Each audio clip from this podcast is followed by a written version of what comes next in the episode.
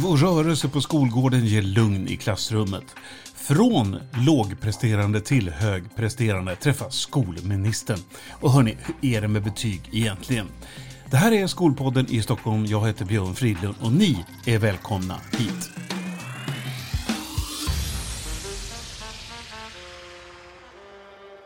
Att det är viktigt att röra på sig, det vet nog alla.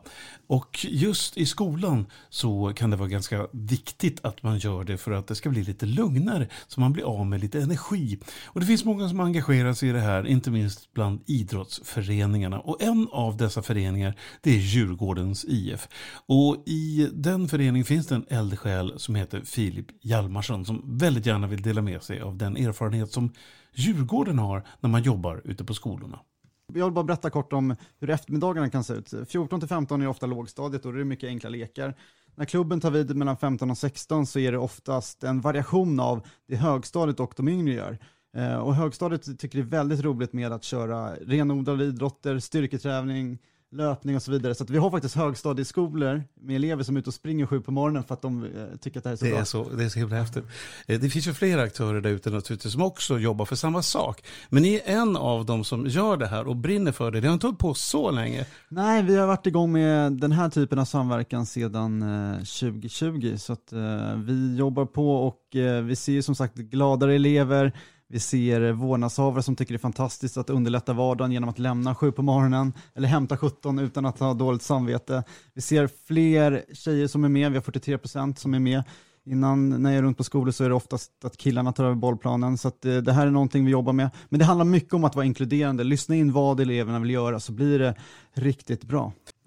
Ja, det var ju Filip Hjalmarsson från Djurgården som berättade om hur de jobbar tillsammans med Stockholms skolor. Och det är fler föreningar som gör det. Det är så viktigt att röra på sig. Och på Rågsveds grundskola så jobbar man mycket med just rörelse, fast på flera olika vis. Redan 2016 så började man jobba målmedvetet med hur viktigt det är att röra på sig och vad det betyder för resultaten i skolan.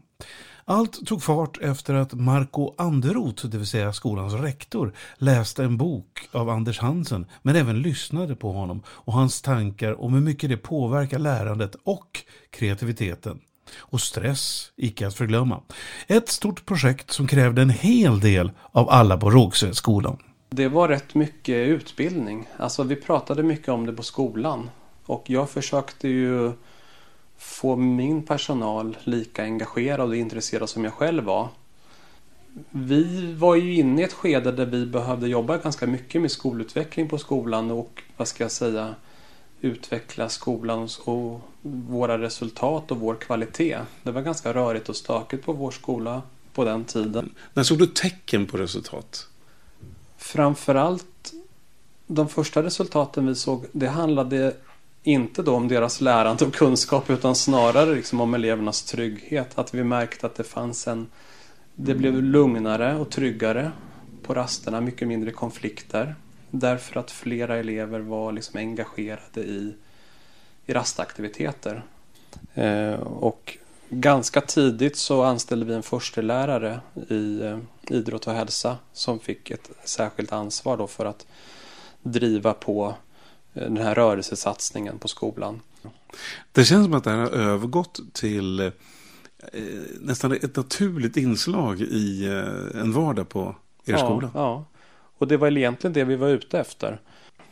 Men nu har ni hållit på med det här under förhållandevis lång tid. Mm. Kan du idag se resultat rent pedagogiskt och resultatmässigt på det sättet i skolan där du kan härleda det till en konsekvens av att ni faktiskt gör det här?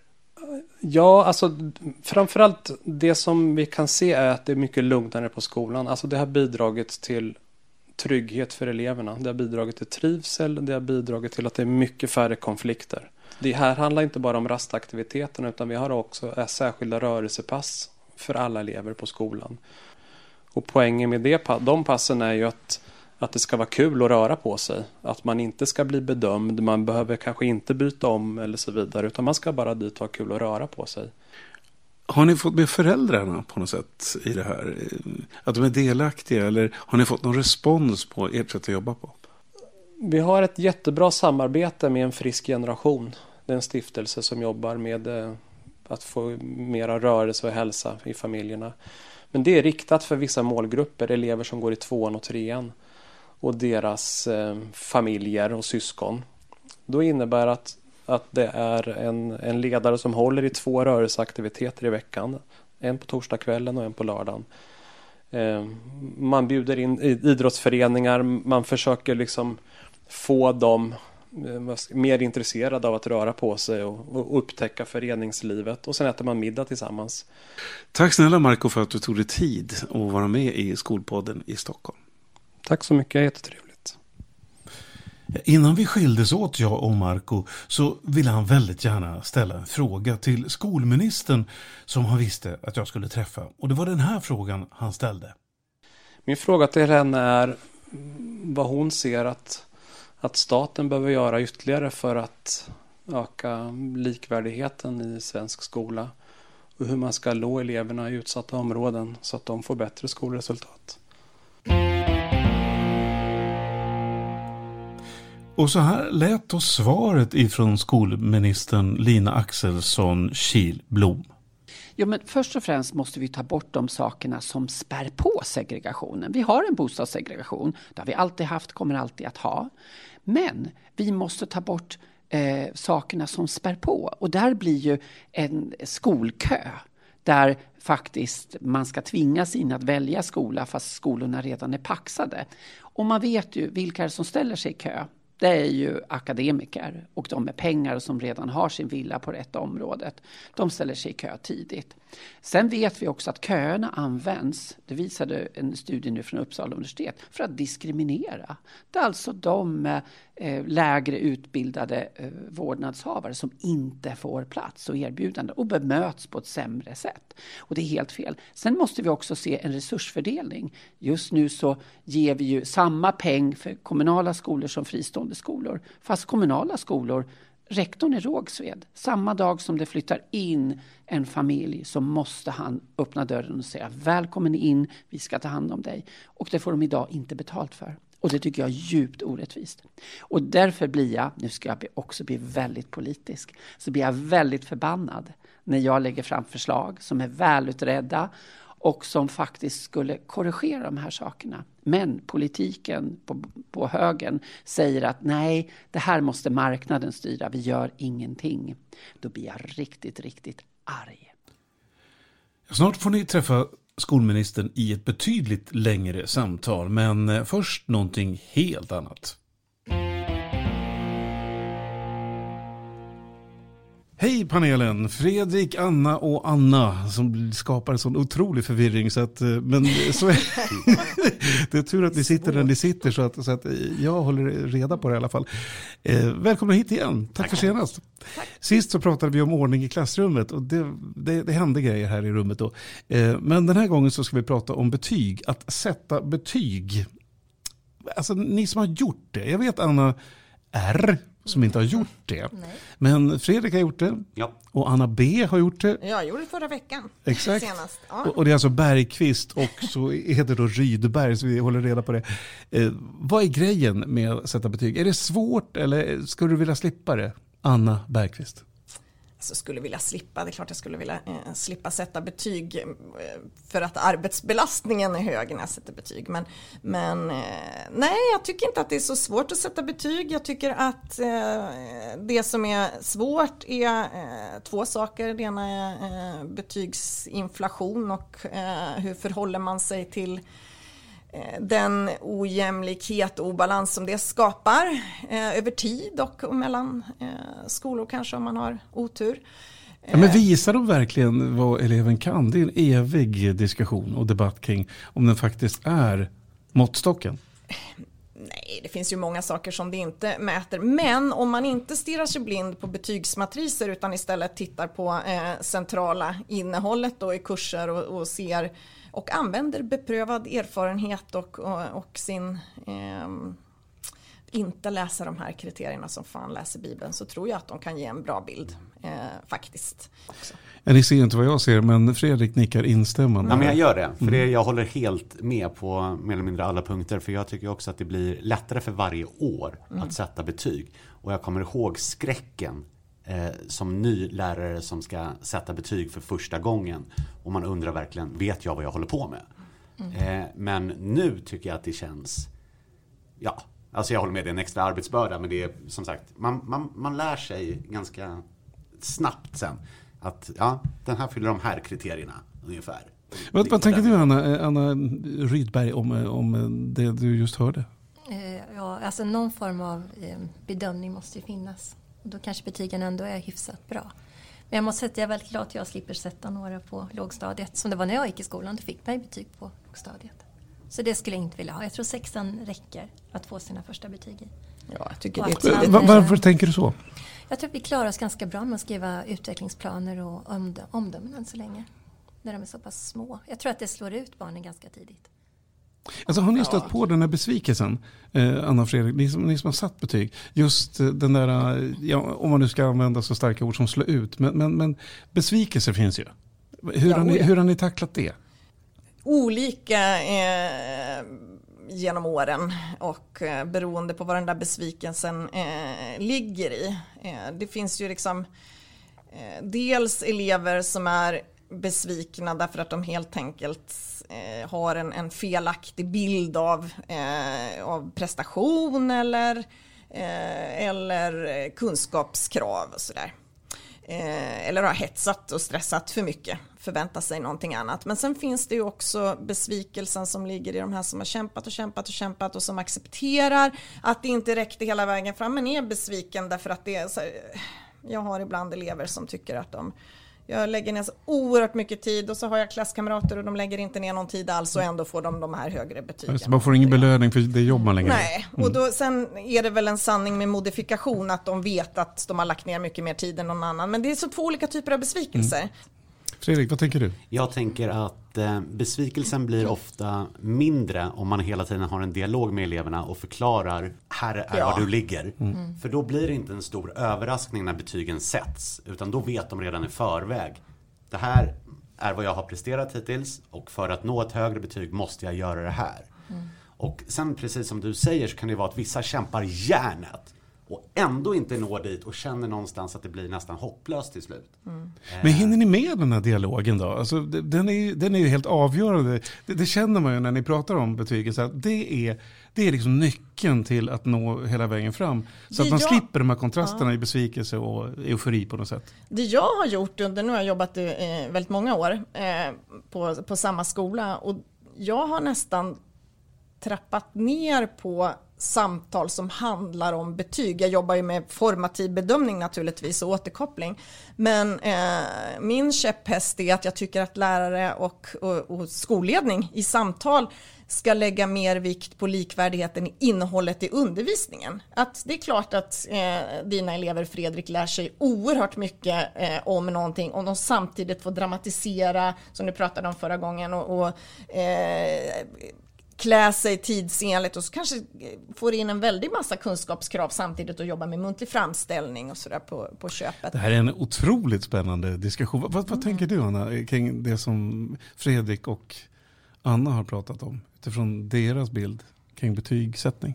Ja, nej, jag tänker bara på det att jag tror att, att det för dem, för ungdomarna, är svårt att inte liksom se det som ett, vad ska jag säga, ett litet tecken på hur man är när man får ett betyg. Det är bara att gå till sig själv när man gick i skolan och fick betyg.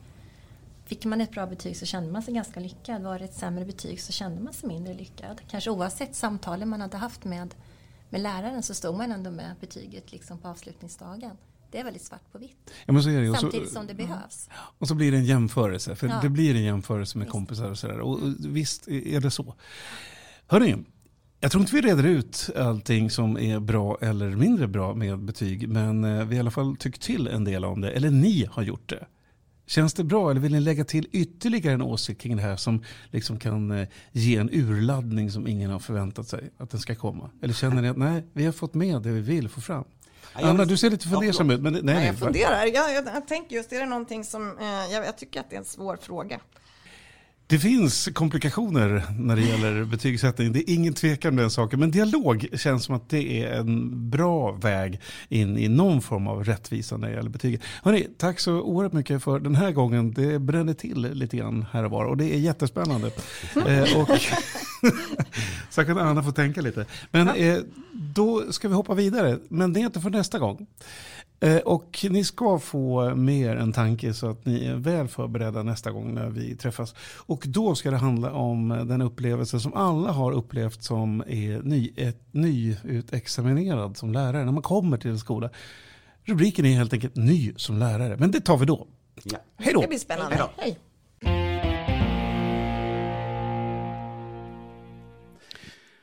Ja, då är vi framme vid punkten i Skolpodden i Stockholm som ju kallas för Min skoltid.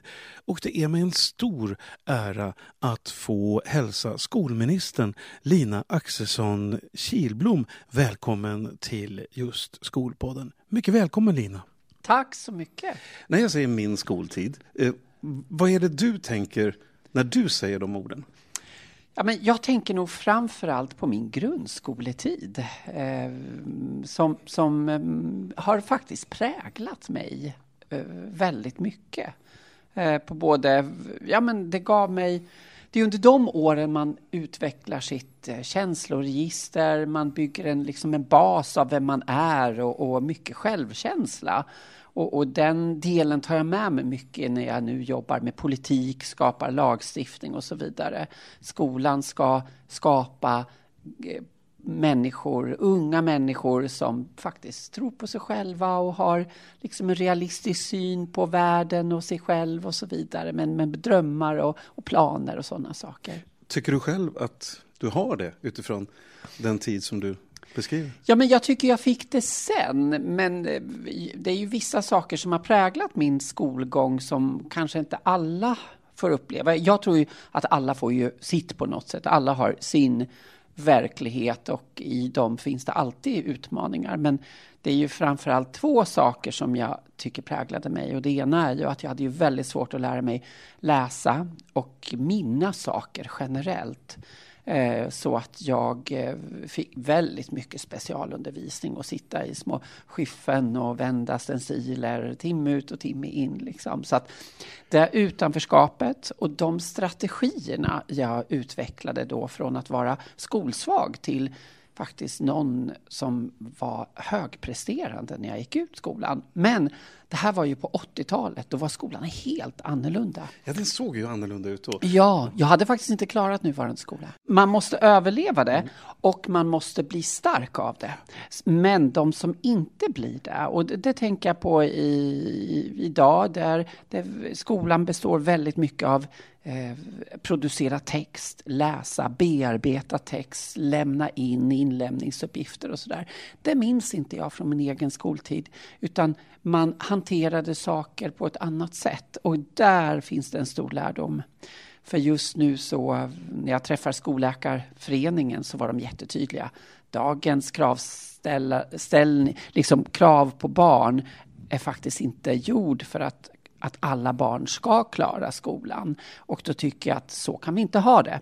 Därför är jag glad för de revideringar vi gör i läroplanen och jag tänker också på att vi ska nog kanske börja kika på nu ska jag vara försiktig, hur vi kan ha ett skolsystem som faktiskt får, är till för alla elever, men som också kan stimulera de som behöver mycket stimulans och utmaning, men också får med den stora gruppen elever utan att man utvecklar stress och press och eh, symptom. Liksom. Jag tycker det är så otroligt intressant det du säger och det ska bli jättespännande att följa den resan. Eh, för det kommer att bli en tuff resa, det är jag helt säker på att det kommer att vara. Men jag tänker backa lite grann till din skoltid också. Alltså den skola du gick i, vad var det för typ av skola? Det här var ju Malmaskolan i Kolsva och jag minns så väl Sylva Svärd som var min första lärare. Henne hade jag i tre år. Sen hade jag Torgny Eriksson också i tre år och sen hade jag Tord Rofeld som min klassföreståndare på högstadiet i tre år. Och det var solida människor som jag faktiskt byggde väldigt mycket fin relation till och jag minns fortfarande deras undervisning på ett väldigt positivt sätt. Som Så- till exempel vad? Jo, men det var en tydlighet. Vi, vi var ett vi. Vi var en, en bred blandning i vår klass. En del hade lätt för sig, vissa hade svårigheter. Men det var inte så mycket värdering av det. Och jag minns inte att vi, vi pratade om den här rädslan att slås ut eller att få inte få välja eh, komma in på gymnasiet. Det var klart att alla skulle börja gymnasiet. Det var liksom inte... Så att jag minns inte den eh, delen som, som, så, som jag hör nu många unga berätta om. Så, så den, eh, den skolan eh, tar jag med mig. Och det var ett brukssamhälle. Alla visste vilka vi var. Och eh, där kommer jag till min andra erfarenhet som jag tar väldigt mycket med mig från min skoltid. Det är ju att jag visste ju redan tidigt att jag var en transperson, alltså att jag hade en, en pojkes yttre, men det fanns liksom 100 procent av mig var liksom en, en vanlig tjej. Liksom. Det visste jag tidigt. Och det här var ju någonting som när man är medveten men ska då hantera att byta om i, i omklädningsrum, man ska utåt agera, man kan inte bli utsatt Eh, för olika kränkningar och sådär. Och då minns jag att den här skolan på landet som man tror ska vara fördomsfull, den var tvärt emot. Alla visste vem jag var. Och det var ingen som... Det var liksom som, ja men där är hen, hen sa man inte på den tiden, men det var, jag minns att människor som kom utifrån till skolan kunde stå och titta på mig och tänka, mm, är det där en pojke eller en flicka liksom? För att alla visste vem jag var och då var det ingen som reagerade eller ens vågade liksom utsätta mig för något större. Däremot när jag började på gymnasiet sen, den här stora gymnasieskolan där ingen egentligen visste vem den andra var och man inte hade de här tydliga relationerna mellan elever eller med vuxna ännu, det fick man ju bygga upp, så blev man utsatt för saker för då var man bara en, en företeelse som gruppen hade svårt att hantera. Ja. Eh, Så, så de, de två erfarenheterna tar jag mycket med mig av i faktiskt mitt dagliga arbete idag och det som har drivit mig som rektor, jag var skolinspektör en tid och även skolchef så har jag med mig de här eh, aspekterna. Liksom. Och, Jag tycker det är så viktigt det du säger. Du, du använder relationer, du säger det. Och relationerna är ju, som jag ser det, helt avgörande för att man ska kunna hantera till exempel en sån situation som du befann dig i, om man ska kalla det för det. Mm. Men åtminstone det tillstånd som det var där och då, då är relationerna helt avgörande Ja. för att kunna gå vidare. Och där tycker jag, och det har man mätt på olika sätt, att dels ser vi att fler lärare trivs på sitt jobb, den här PIRLS-mätningen och så vidare. Men sen också när man gör undersökningar, är det någonting Sverige är bra på, så är det just den här naturliga och kanske ganska varma relationen mellan lärare och elever. Och den tycker jag att vi ska bevara eh, i, om man tittar på reformer i framtiden. Den måste vi verkligen låta ta plats och se värdet av. För det är ett sätt faktiskt att hålla alla i skolan, att det finns långa, lugna relationer i skolan. Jag märker att du brinner alltså för att förändra och för att utveckla det hela. Men jag tänker backa igen till din skoltid. Mm. Eh, Vad var det för, eh, alltså om du ska plocka ut ett ämne eller ett sammanhang där du kände att det här, här är jag, här trivs jag, det här är min plats. Vad var det? Eh, Jag hade två ämnen som jag verkligen blommade i. Det ena var textilslöjden. Jag älskade att designa kläder och jag var enormt avancerad. Eh, Jag hade, kunde ju ta hela helger och bara sitta och sy. Så att när jag eh, på textilslöjden designade egna kavajer och så där i årskurs åtta så var det väldigt avancerat. Syr du fortfarande? Eh, nej, det gör jag inte. Däremot så snickrar jag. Och där kommer till mitt andra ämne. Jag ansågs vara så språksvag. Numera kan jag ju liksom tala fem språk, men det har ju tagit tid och jag har ju varit utomlands i nästan tio år. Men då eh, fick jag inte, kunde jag inte läsa språk för att det tyckte de alltså att nej men kan du inte läsa ordentligt på svenska och inte kan engelska ordentligt så ska du nog inte läsa språk. Och det är jag ganska glad för, för jag fick läsa ämnet hantverk.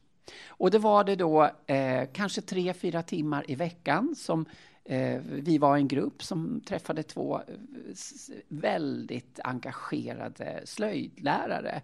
Så att då hade man liksom en tre veckor med halmslöjd, tre veckor näverslöjd, tre veckor batik, tre veckor vävning. Och det var så roligt. Och de där kunskaperna har jag med mig fortfarande. Jag bangar inte för att eller både varken snickra eller färga eller måla och sådana saker. Så att det, det fick mig att eh, blomma. Och sen min mamma var ju, eller är, liksom konstnär och keramiker.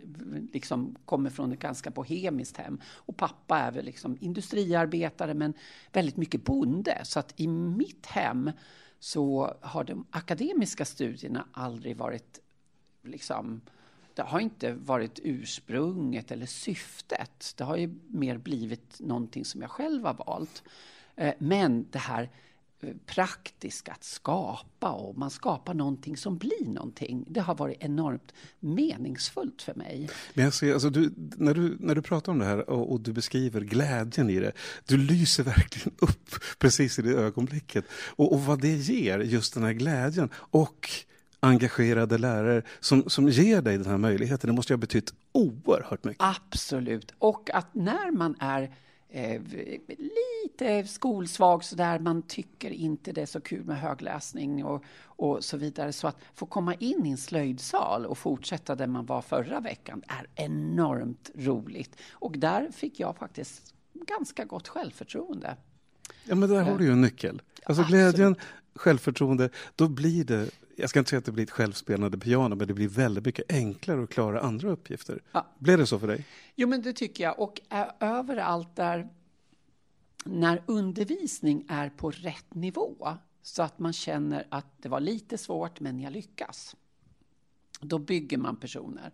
Och därför är ju läraryrket, jag har sån enormt stor respekt för, för alla lärare som lyckas hitta det här i klassrummet. För vissa elever, jag brukar tänka att vissa tolvåringar har kunskaper som man ska ha i årskurs 9. Sen finns det de i, som är 17 år och som har kunskaperna som man har i, i årskurs 9. Men det blir eh, unga vuxna, det blir vuxna individer eh, av alla på något sätt. Och, och, det tar jag också med mig. På min tid var det flera elever som hade etta och tvåa i betyget. De hade alltså haft ett F idag.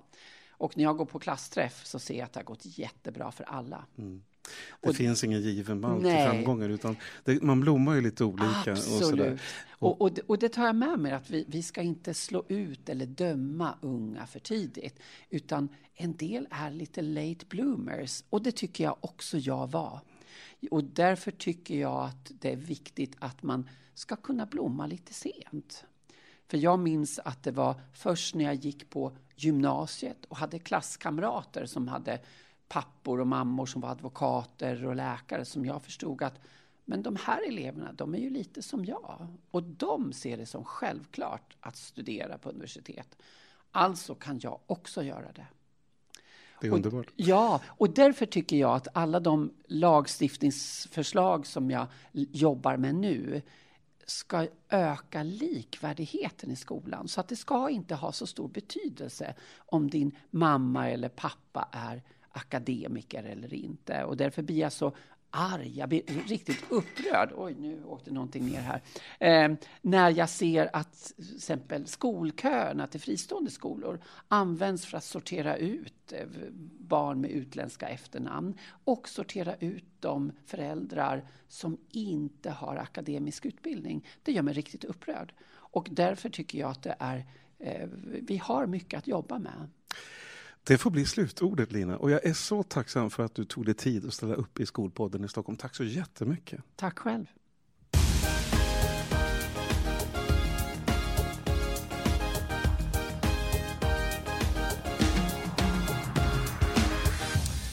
Det var vad Skolpodden i Stockholm hade att bjuda på den här gången. Vi har ju mött skolministern i ett spännande möte.